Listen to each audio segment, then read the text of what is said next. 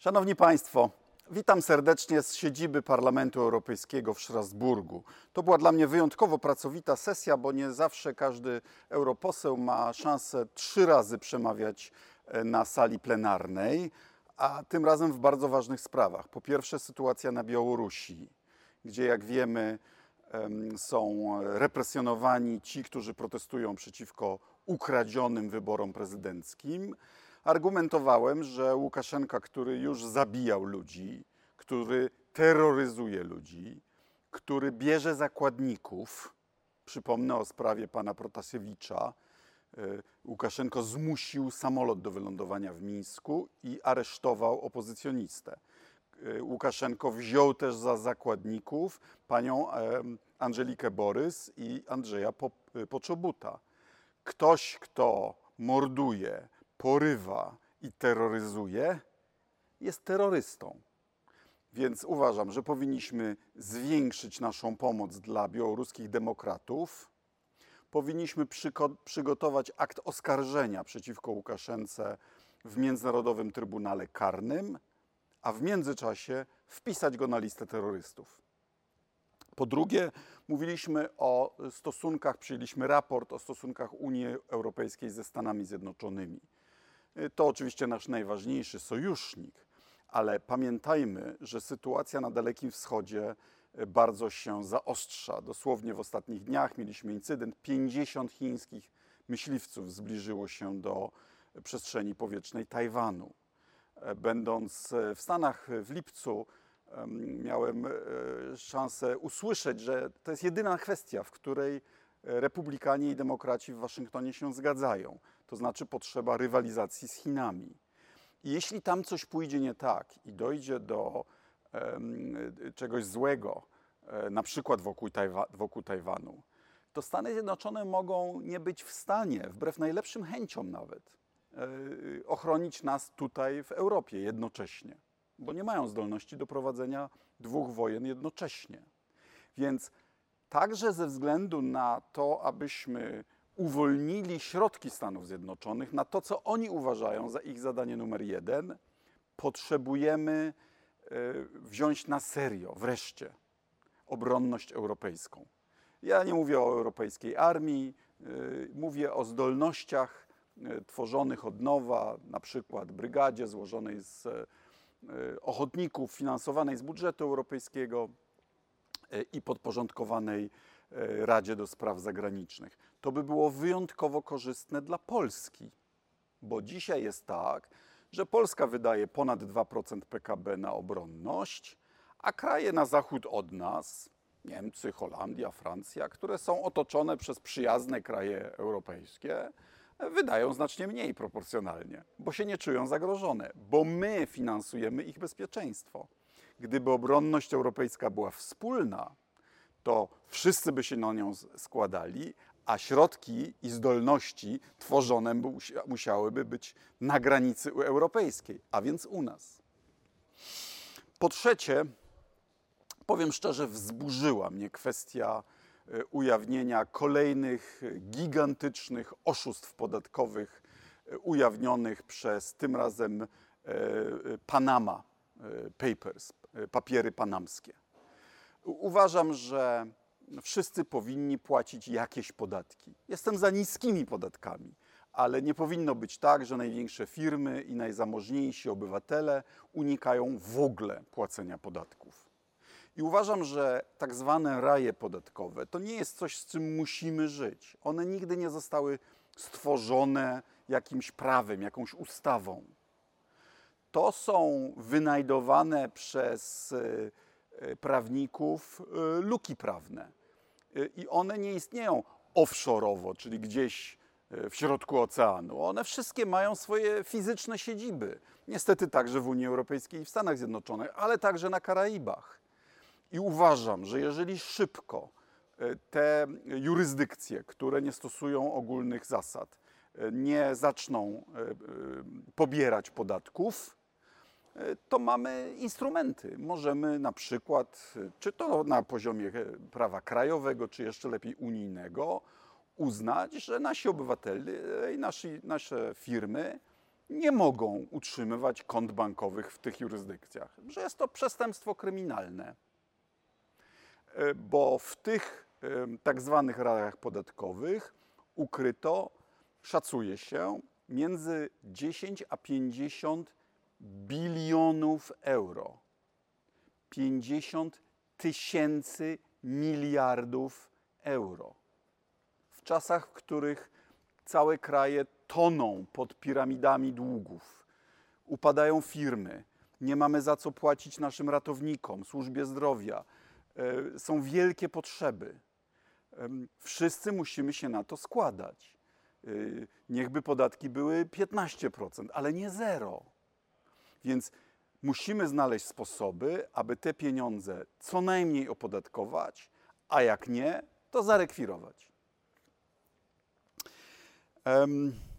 Wreszcie to nie jest dokładnie kwestia Parlamentu Europejskiego, ale, ale tak się złożyło, że wczoraj tutaj w Strasburgu e, dotarła do nas informacja o wyroku Europejskiego Trybunału Sprawiedliwości z Luksemburga o tym, że sędziowie powołani przez NeoKRS nie są sędziami i że przenoszenie e, sędziów pomiędzy sądami czy wydziałami e, może być szykaną.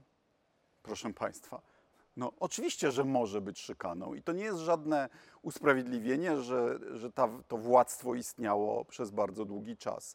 Jak ktoś zauważył, kije baseballowe też działa, istnieją od wielu, wielu dekad, ale zostały zdelegalizowane wtedy, gdy ktoś zaczął ich używać do terroryzowania ludzi. I tak samo e, przenoszenie między wydzia- wydziałami czy sądami może być normalną procedurą, a może być, tak jak to robi Ziobro, szykaną na niepokornych sędziów. I, a jeśli chodzi o neo-KRS, przestrzegaliśmy rządzących, że to jest złamanie konstytucji, bo konstytucja mówi, ilu sędziów może powołać parlament, y, ilu delegatów parlament może mieć w KRS. Tymczasem zrobiono ustawę ewidentnie niezgodną z konstytucją, a teraz się dziwią, że europejskie sądy tych nominatów nie uważają za prawdziwych sędziów. Chaos y, w wymiarze sprawiedliwości się pogłębia. Sprawy trwają coraz dłużej i obywatel dzisiaj nie może mieć pewności, czy wyrok, który ma, się ostanie, bo nie wie, kto, w jakim składzie sąd go y, wydał. Y, y, A ponadto po raz pierwszy w historii Polski musimy się zastanawiać, który sędzia jest prawdziwy, który pisowski, y, jakie może mieć sympatie polityczne. No przecież nie o to chodziło. I ceną za te deformy Ziobry jest to, że możemy nie dostać gigantycznych pieniędzy europejskich. No proszę Państwa, no to jest absurd. Czyli zniszczyliśmy sobie wymiar sprawiedliwości i jeszcze nie dostaniemy pieniędzy. Znaczy, to nie jest moja definicja patriotyzmu, to nie jest moja definicja profesjonalizmu. E, Wreszcie e, debata miała miejsce wczoraj na temat e, Krajowego Planu Odbudowy. E, 22 z dwo- z 25 e, przedstawionych krajowych planów odbudowy już zostało zatwierdzonych. Bułgaria, Holandia jeszcze nie przedłożyła, a plany Węgier, Polski i Szwecji czekają na zatwierdzenie. I rząd e, bardzo się e, denerwuje, że Unia Europejska zwleka z zatwierdzeniem i zwleka z pierwszą zaliczką. No, proszę Państwa, po pierwsze, Polska odmawia przystąpienia do prokuratury europejskiej, czyli tego ciała, które się zajmuje ściganiem przestępstw przeciwko finansom Unii. No i się zastanawiają, a dlaczego? Może chcą zrobić z tymi pieniędzmi to, co zrobili już z Funduszem Inicjatyw Lokalnych, czyli użyć ich jako swojego funduszu wyborczego. Może widzą skalę nepotyzmu i korupcji w Polsce. A przecież Morawiecki zgodził się, że fundusze europejskie, zarówno regularny budżet, jak i ten fundusz odbudowy jest uzależniony od prawo- praworządności, rozumianej jako, y, jako zabezpieczenie finansów europejskich. No i wreszcie, e, dosłownie w tej chwili być może, e, pani magister Przyłębska z panem Piotrowiczem i, i innymi mają orzekać, czy y, ustawy polskie są ponad prawem europejskim, które przecież wynika z traktatów.